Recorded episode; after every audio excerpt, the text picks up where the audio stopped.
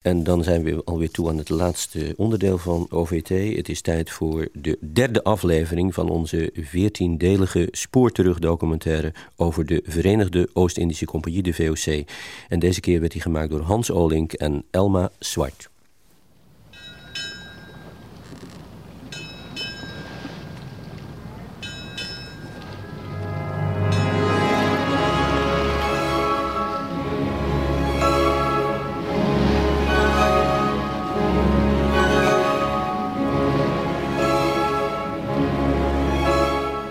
Loffelijke Compagnie. Deel 3. Java. Ja, ik moet weer gaan mijn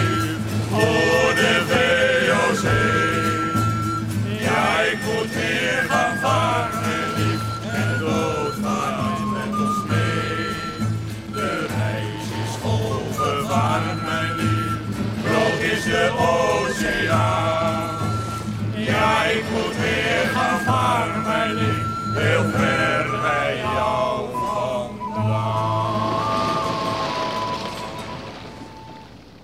Zeilende dan dus langzamer zijn wij den 22 juni voor de haven van Bantam en de kusten van Sunda gekomen.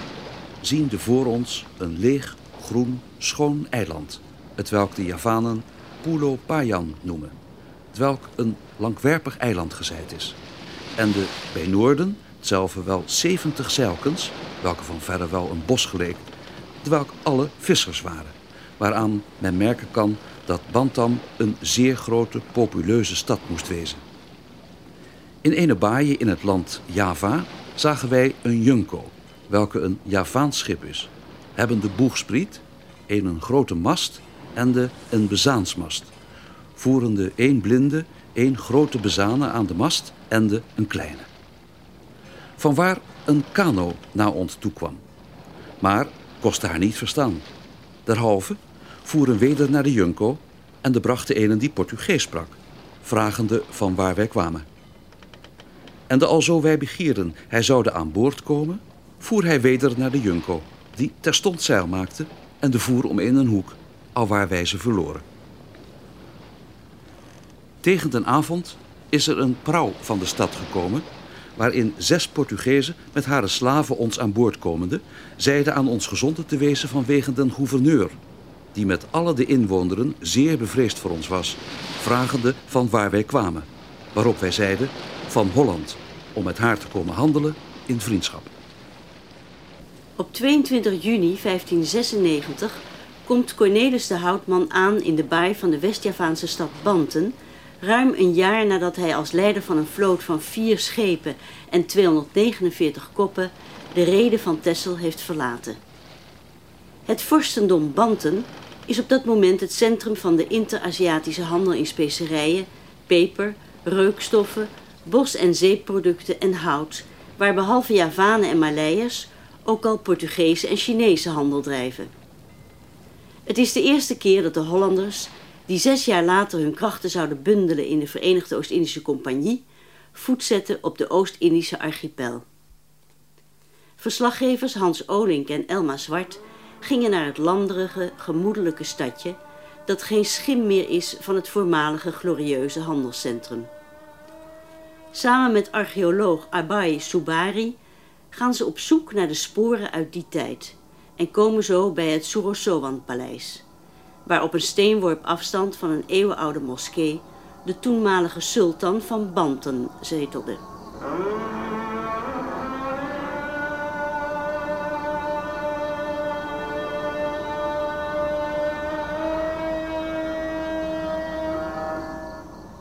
We lopen nu naar een grote muur die goed intact is. What's this gate? Uh, This gate is uh, eastern eastern side gate. Yeah, the main gate is over there in the northern side. This Aan de andere kant is de hoofdingang en dit is een zijingang. And then uh, the area of this palace is about three and a half kilometer uh, he- hectare. 3,5 hectare groot is de oppervlakte van dit paleis. And then this this palace surrounding with the surrounding wall. Yeah. Met een, een vestingwal eromheen gebouwd. Oorspronkelijk lag Banten aan de zee. How far are we now from the sea? Uh, it's about one less than one kilometers right now. Nu zijn we iets van minder dan 1 kilometer van de Less zee than one af. kilometers, yeah. And in those days it was more near the sea. Yeah.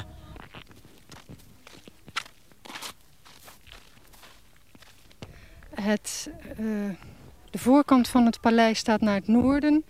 En wij zien nog ronde trappen. Dat zijn de treden geweest aan de voorkant van het paleis. Do you think Mr. de Houtman came here? He stepped on those steps to meet the Sultan? Uh, I think no, because yeah, I think yeah, because uh, Mr. Hotman come here on 1596, yeah, because there is a when was Banten reigned by third Sultan, yeah, of course, come here received by Sultan. Yeah. He came to the palace. He came to the palace. Yeah. Banten moet waarschijnlijk op deze treden gelopen hebben om de sultan te ontmoeten en om proberen zaken met hem te doen. Steeds weer vertelt Subari over de vruchtbare samenwerking tussen de Hollanders en de Bantammers. Van conflicten wil hij niet horen, terwijl we uit het verslag van de Houtman weten dat de komst van de Hollanders niet zonder problemen verliep.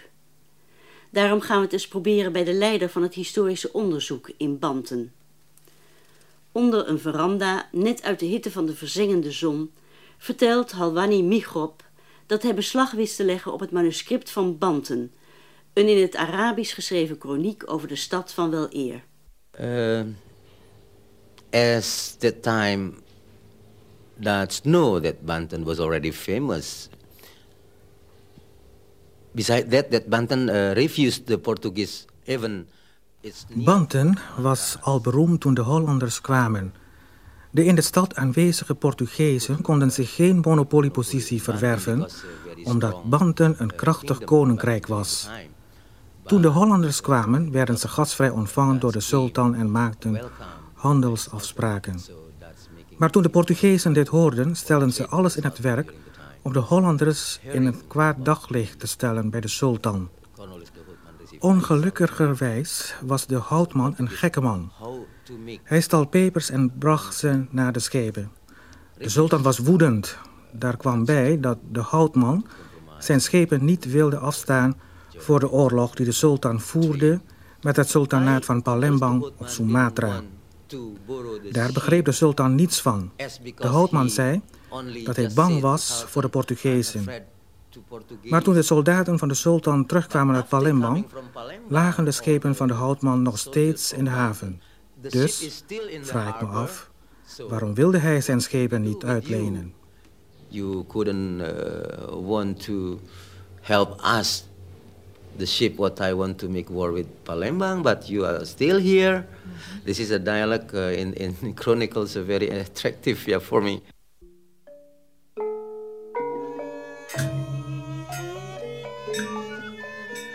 In het conflict stelt de houtman, die niet bepaald begiftigd is met veel diplomatiek talent, zich zo lomp en onhandig op dat hij door de bandtammers gevangen wordt genomen, al dus Migrop.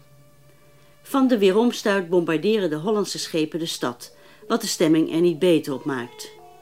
Pas na het betalen van een royaal losgeld komt de houtman vrij en kan de vloot uiteindelijk de ankers lichten. De toon is gezet. Het Nederlandse optreden zal menige Javaanse vorst de gordijnen injagen. En de in de Oost-Indische archipel aanwezige Portugezen en Engelsen lachen in hun vuistje.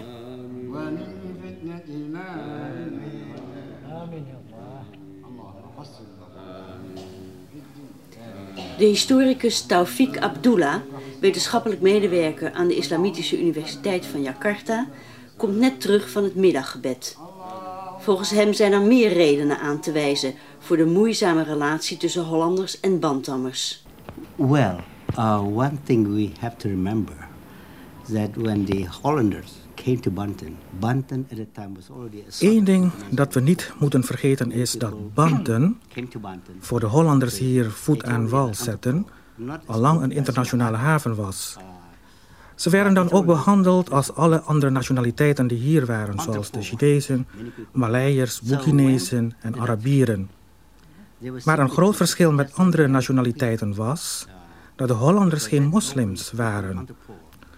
Vooral sinds de 10e eeuw, toen de Chinese keizer Canton afsloot, deden vele Arabische zeelui banden aan. En dat is ook een van de redenen waarom de islam zich verspreidde over de archipel. Dat de Hollanders geen moslim waren, hoefde nog geen onoverkomelijk probleem te zijn als ze maar wat diplomatieker waren geweest. Maar ze wilden meteen factorijen en forten bouwen, terwijl de Portugezen, die hier al een eeuw zaten, vooral uit waren op goede handelsrelaties. Ook de Britten waren veel diplomatieker dan de Hollanders. Toen de Hollanders hier kwamen, blokkeerden ze diverse havens, geheel tegen het principe van Hugo de Groot, die een vrije zee wilde. Back, back home in Europe, they held to the idea of Hugo de Groot, the, uh, the, uh, the, the principle of the freedom of the sea, but not here. Als wij komen te stranden, al tot Batavia, en varen naar veel landen, vandaar in Azië.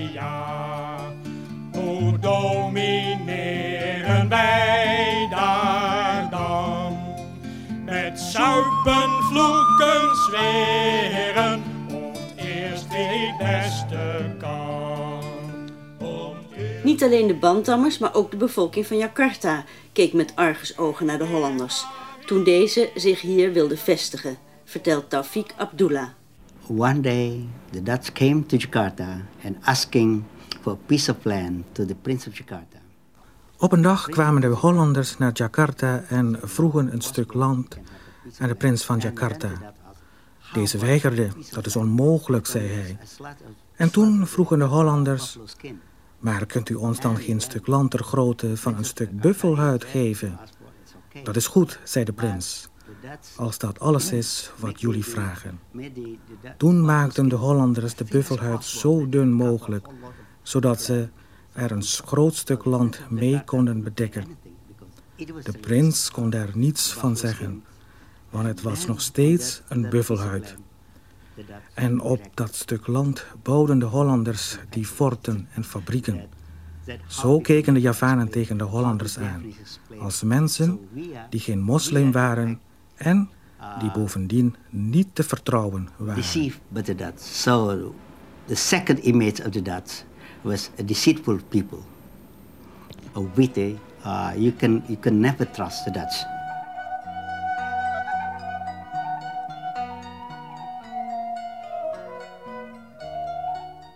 Door de enorme groei van de in 1602 opgerichte compagnie krijgt de VOC steeds meer behoefte aan een eigen rendezvous, een verzamelpunt voor de aankomende en vertrekkende vloten. De gebrekkige communicatie tussen de Hollandse zeelieden in de Oost en de heren 17, het opperbestuur van de compagnie in de Republiek, is een te ernstig obstakel gebleken voor het voeren van een krachtige politiek in de archipel. Door het stichten van een bestuurscentrum op de archipel hoopt men dit bezwaar op te heffen. En zo krijgt Pieter Bot, de eerste gouverneur-generaal van de compagnie, die in 1610 aan het hoofd van een grote vloot naar de oost vertrekt, de opdracht een geschikte plaats te zoeken. In Banten aangekomen ontdekt hij al gauw dat Banten als mogelijk bestuurscentrum volkomen ongeschikt is. Daarvoor is de verstandhouding tussen de Hollanders en de Bantense vorsten al te veel verziekt.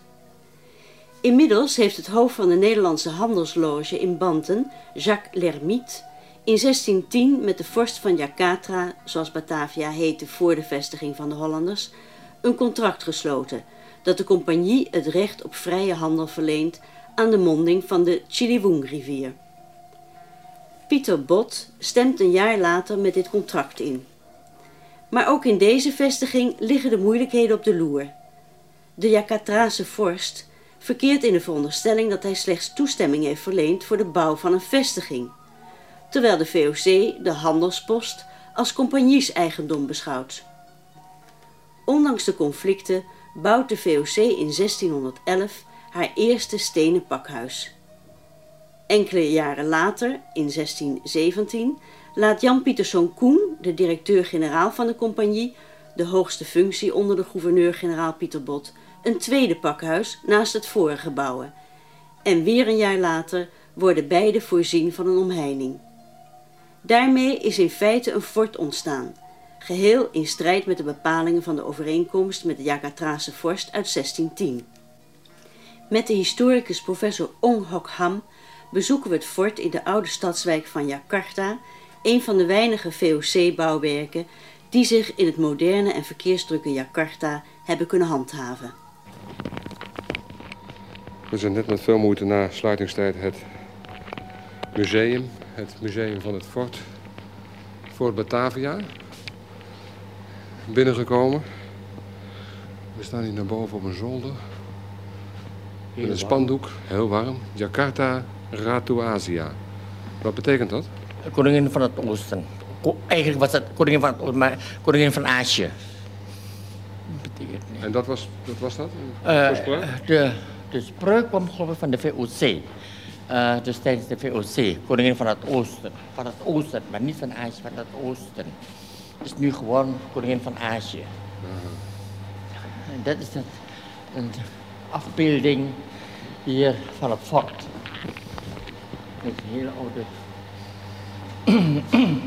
hier, dit is het fort. Dat is waar we nu in zijn, ja. hè? De diamant. En dat fort is gesticht wanneer? 1608 waarschijnlijk. De oorspronkelijke. Mhm. Uh, gerestaureerd en uitgebreid enzovoort. Later natuurlijk. Maar de oorsprong zou zijn. Het eerste hebben, hebben de Nederlanders pak, uh, ook bedoel als pakhuizen. En dit stond bekend als het kasteel van Batavia. Het hoofdkwartier is van de VOC. Dus hier maakte men geld, hier had men de boekhouding. En hier werd de Raad van Indië enzovoort gehouden. Dit is dan de 17e eerste stad. Hier heeft u. Dat is nog heel klein, hè? Ja, heel klein hoor. Het was... Waar was dat fort eigenlijk voor bedoeld? Als ja, kantoor, hoofdkwartier, verdediging, voor alles en nog Verde wat. Verdediging tegen wie? Tegen, uh, hier was waar meeste verdediging tegen de zee. Hè? Dus tegen Engelsen, tegen Mataram. Een vorsten, vorstendom ja. uh, op Java? Op Java. Mataram, het grootste vorstendom van Java. Op Java, grootste vorstendom toen. En is het wel eens uh, gebruikt? Banden. Banden. Ja, het, het heeft twee belegeringen vanuit Mataram verslagen. Twee belegeringen, dat waren geloof ik de eerste, uh, de eerste gevechten en misschien de laatste tussen de Javaanse vorst en uh, de VOC of de Nederlanders. Daarna werd alles maar uh, meer diplomatiek geregeld, dus meer, meer, wat is? Zonder oorlog. Zonder oorlog, dus uh, het kolonialisme kwam op door verdragen.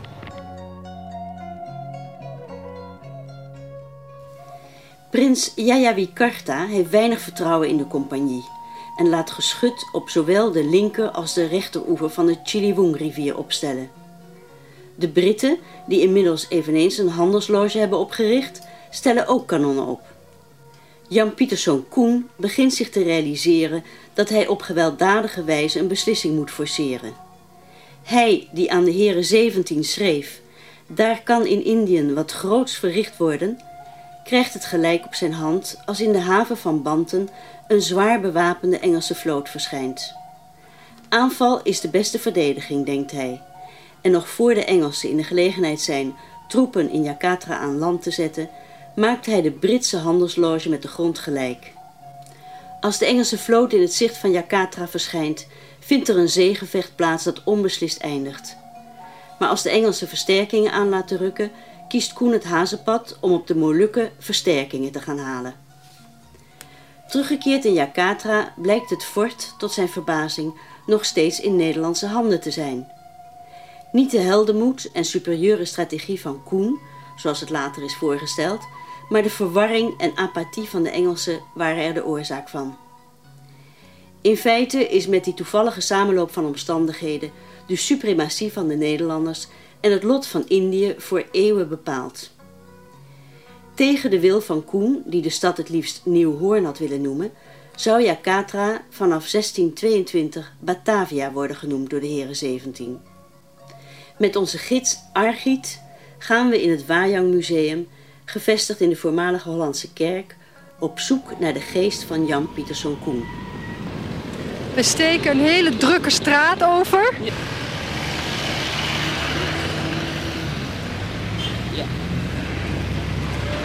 U bent het blijkbaar gewend om, de, om snel deze struk, drukke straat over te steken. Well, Wij komen nu in de hal van het Wajang Museum. Dit is vroeger de Hollandse kerk geweest. mhm, ja. Wij zitten hier op een koele binnenplaats met duidelijk historische muren waar het nodig op geschreven staat. Ja, hier ik heb speciaal van de, de, de, de greefsteen van de Diem Pedersen Koen, de stichter van Batavia hier, van de, eh, de origineel hier van de 46, speciaal van de Hollandse kerk. En hier ik heb de steen, dat is de speciaal van de historie van dit gebouw. Dat is de eerste speciaal van de op deze plaats van 46 tot 1732. De oude Hollandse kerk of Kruiskerk. En van 1736 tot 1808 de Nieuw-Hollandse kerk. In die kerken en op het terrein daaromheen het Hollands kerkhof vonden Hans Lats Rasplaats, de stichter van Batavia, Jan Koen in 1634. We lopen nu naar een vitrine waar poppen staan. Ja, hier, dat is de special van de, de popo van de Jan Persson Koen. Gemaakt special voor de, de negociatie met de, de konings van, uh, van Pajajaran. Dat is de special konings van West-Java. Dus vroeger de, uh, de proberen te make a speech voor de negociatie. Dus deze poppen werden gebruikt ook om te verbeelden de conflicten. Ja, en uh, because vroeger dus de strategie of de Nederlands uh, voor, voor België, ja, voor de Belgen of de, de Batavia, daar hebben een strategie hier.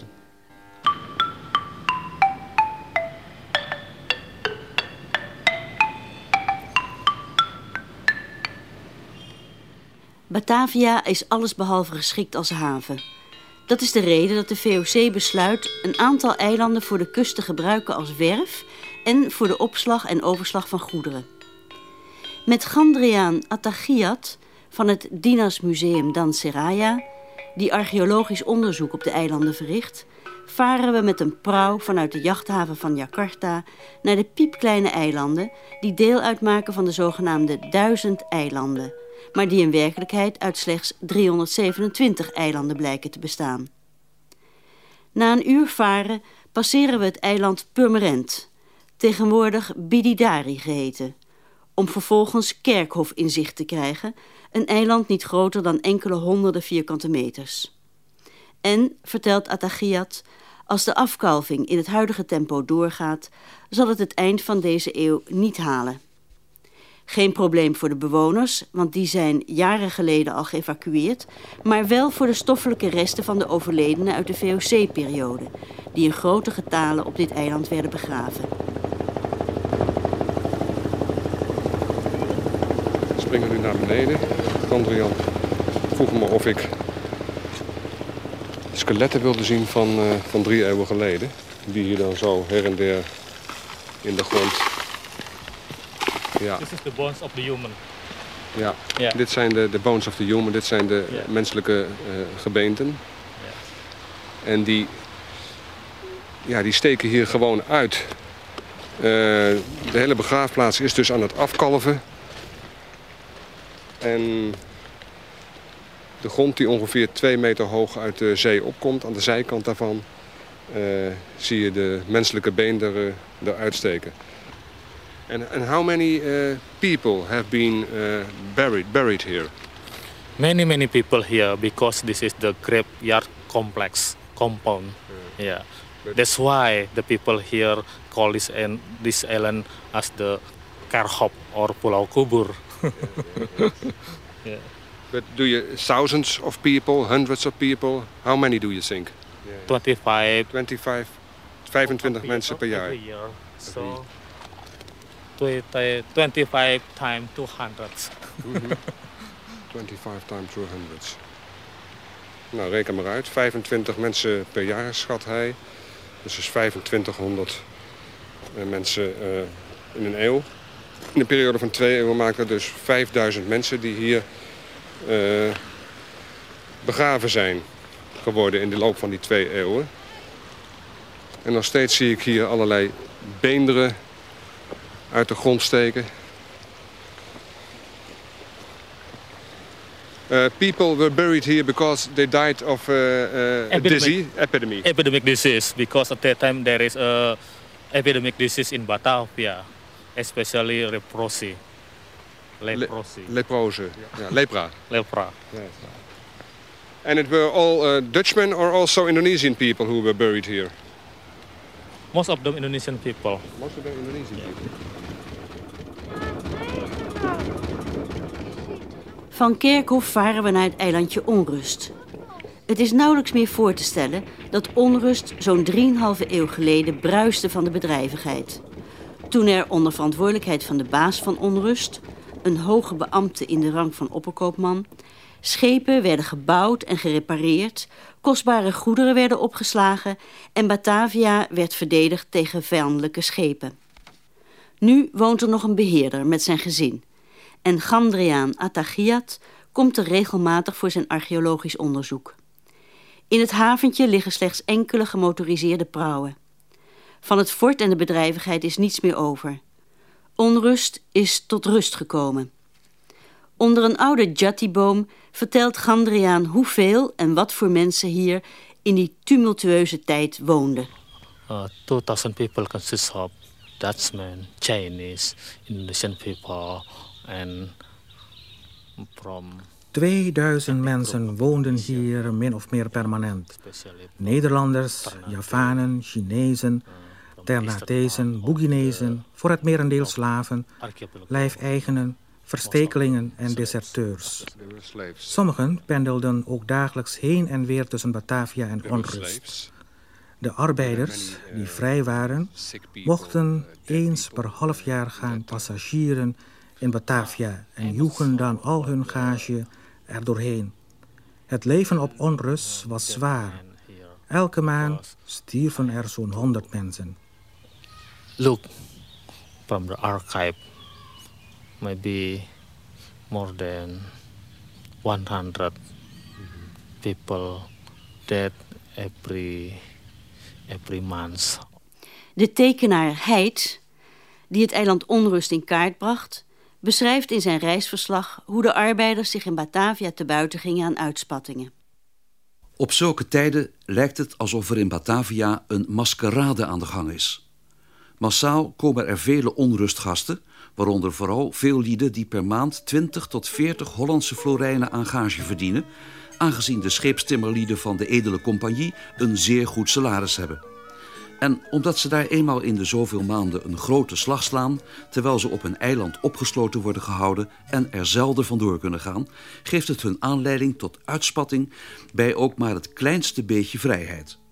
Vaak komt het tot vechtpartijen, vooral wanneer ze een stang waarop iemand zit de hele stad ronddragen en het verstand bedwelmd is geraakt door zoveel arak dat men zich erover verbaast.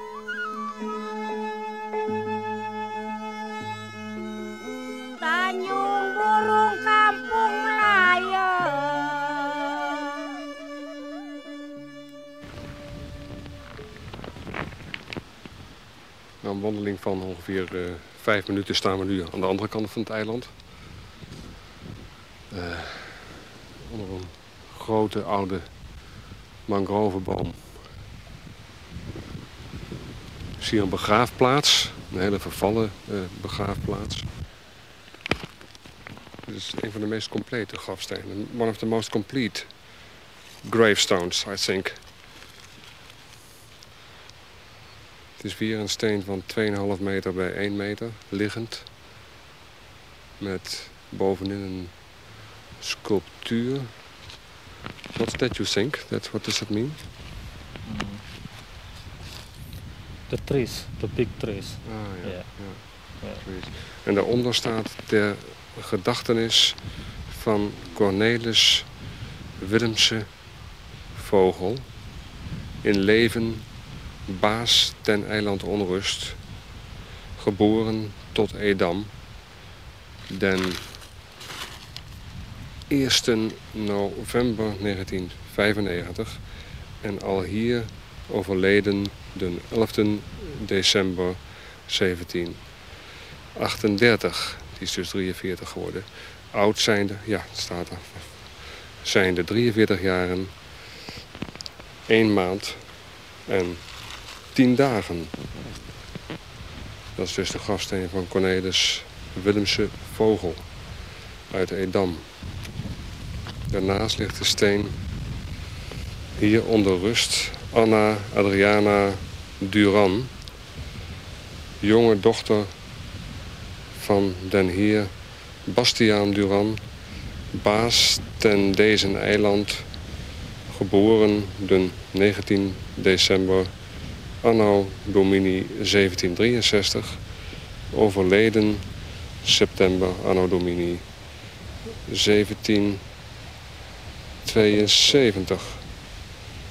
Dat is dus oud acht jaar en negen maanden. Dat is dus duidelijk het graf van een kind. All the people that here in the young age. All the people died here in Yeah, young age. in the young age. Mm. Nou, dat zijn ongeveer alle grafstenen die leesbaar zijn. Oh nee. We lopen nog even verder. That's all. That's all. Yeah. Yeah. Vanuit het fort aan de monding van de Chiliwung-rivier ontwikkelt Batavia zich in snel tempo. Halverwege de 17e eeuw is de stad geheel ommuurd met niet minder dan 22 bastions. En de welvaart stijgt ziende ogen, een periode van bloei die zeker tot 1830 zal aanhouden. Batavia ontwikkelt zich tot een pluriforme samenleving van Balinezen, Ambonezen, Boeginezen, Javanen, Chinezen en natuurlijk Nederlanders. Om te vermijden dat Nederlandse compagniedienaren zich inlaten met autochtone vrouwen, laat Jan Pieterszoon Koen weesmeisjes uit Nederland overkomen. De stedelijke economie draait hoofdzakelijk op slaven, waarvan er jaarlijks zo'n 3000 uit alle delen van de archipel worden aangevoerd en die de status van de Nederlandse gemeenschap moeten verhogen. De scheepsarts Nicolaas de Graaf schrijft in zijn Oost-Indische spiegel... Deze vrouwtjes zijn het meestendeel zo prachtig, zo hovaardig en weelderig... dat zij van brooddronkenheid nauwelijks weten hoedanig dat zij haar zullen aanstellen. Zij laten haar dienen als prinsessen en hebben sommige veel slaven en slavinnen tot haar in dienst... welke nacht en dag als wachthond moeten oppassen... en als de wind gedurig naar haar ogen zien... En zij zijn zelfs zo lui dat ze niet een hand naar enig ding zullen uitsteken. Ja, niet een stro van de vloer zullen lichten, al lacht het aan haar zij. Of roepen terstond een van haar slaven of slavinnen daartoe. En zo zij niet geswind voortgaan, voor een poete rastade, poete de negre of fili de poete of fili de cachor uitschelden. Dat is te zeggen geraffineerde of allemanshoer, slavenhoer, hoerenkind of hondenkind en somtijds nog erger. En zo zij het enigszins hebben verkerfd, laten ze haar om een geringe oorzaak aan een paal of op een ladder binden en de met scherpe, doorgespouwen rottingen op haar naakte lichaam zodanig slaan en geeselen dat er het bloed bij neerloopt en de lappen daarbij nederhangen, daar zij dan zout, peper en pekel door malkander geroerd laten invrijven, opdat het doorgeslagen vlees niet en zou komen te verrotten of te stinken.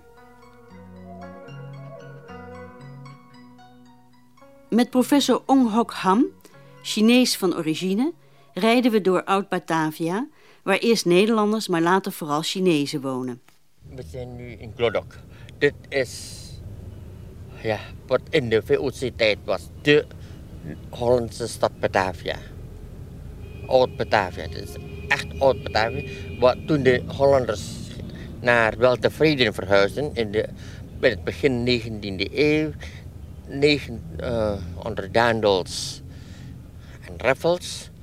Toen werd dit de Chinese buurt. was eerst Nederlandse buurt? Ja, was eerst Nederlandse buurt. En als men naar de gebouwen, naar de hut kijkt, dan ziet men heel veel Nederlandse invloeden. En wanneer, wanneer gingen de Nederlanders weg? Of waarom gingen ze weg? Omdat het zo ongezond werd, de Oud-Batavia. Toen werd het Oud-Batavia op begraafplaats van Europeanen eh, genoemd. Uh, malaria, tyfus en uh, cholera. Was het daarvoor niet ongezond? Nee, het was... toen in de 17e eeuw geef het zelf de naam van de parel van het oosten. Dus als de mooiste stad in het oosten. Maar... En, veel gingen ook dood in de, in de 18e eeuw van aan de drank. Men dronk erg veel. Al aan het eind van de 17e eeuw is de grote immigratie van Chinezen door de verontruste autoriteiten aan banden gelegd. Maar de toevloed van illegale Chinezen houdt aan, omdat het goedkope werkkrachten zijn voor de corrupte ondernemers. In juli 1740 kondigt de hoge regering aan alle Chinezen naar Ceylon te willen deporteren. Onder de Chinese bevolking doet al gauw het gerucht de ronde dat deze coolies onderweg overboord zullen worden gezet. De opstand is een feit. Het is het zijn voor een waanzinnige roof- en moordpartij door Hollandse soldaten, die drie dagen later het leven blijkt te hebben gekost aan 5000 Chinezen. Een groot deel van de moorden vindt plaats voor het stadhuis, waarin nu een museum is gevestigd. Van directeur Sudamarchi Dame krijgen we een rondleiding tot we uitkomen bij de voormalige ondergrondse gevangenis. Hier onder. Dus onder het hoofdgebouw. Ja. En hierachter. En achter de stallen. Ja. Daar beide waren Vroeger. cellen. En de, ook begreep in de ik. 17e eeuw en 18e eeuw. Met begreep ik ook de nodige martelkamers. Het martelen gebeurde hier. Gebeurde Buiten. buiten, Ja. op de binnenplaats. Ja, op de binnenplein en soms zelf op het eh, stadhuisplein. En dat had een betekenis? Oh ja, mensen moesten zien. Als je dit doet, dit gebeurt. I mean, it was international. Everybody did that. Yeah. You should not have any guilty feelings about the past. I don't. No? Oh no. That's the way it was. I can't help it.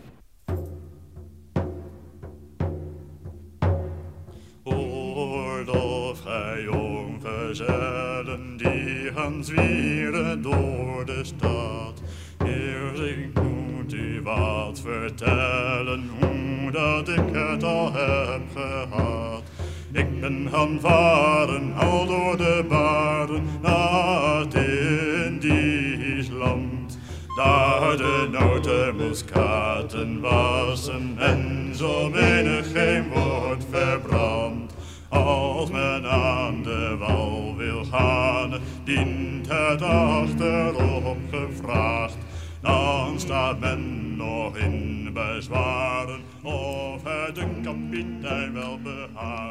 deze derde aflevering van de Loffelijke Compagnie kwam tot stand met steun van het Stimuleringsfonds Culturele Omroepproducties en met dank aan zangers en muzikanten van Dwarts Getuigd.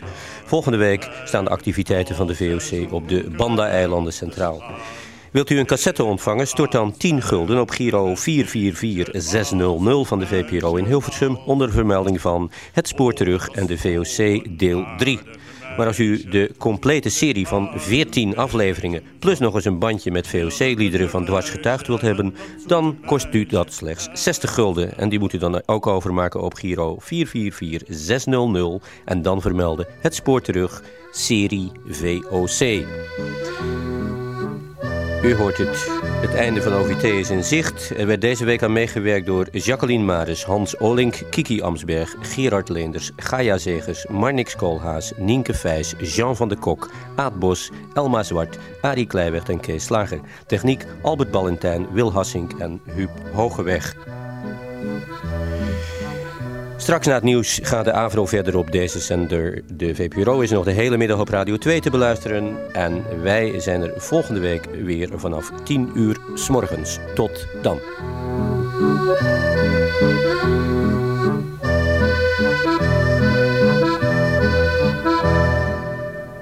En daarmee, geachte luisteraars, laat ik u over aan de verpozen die de radio u plicht te bieden.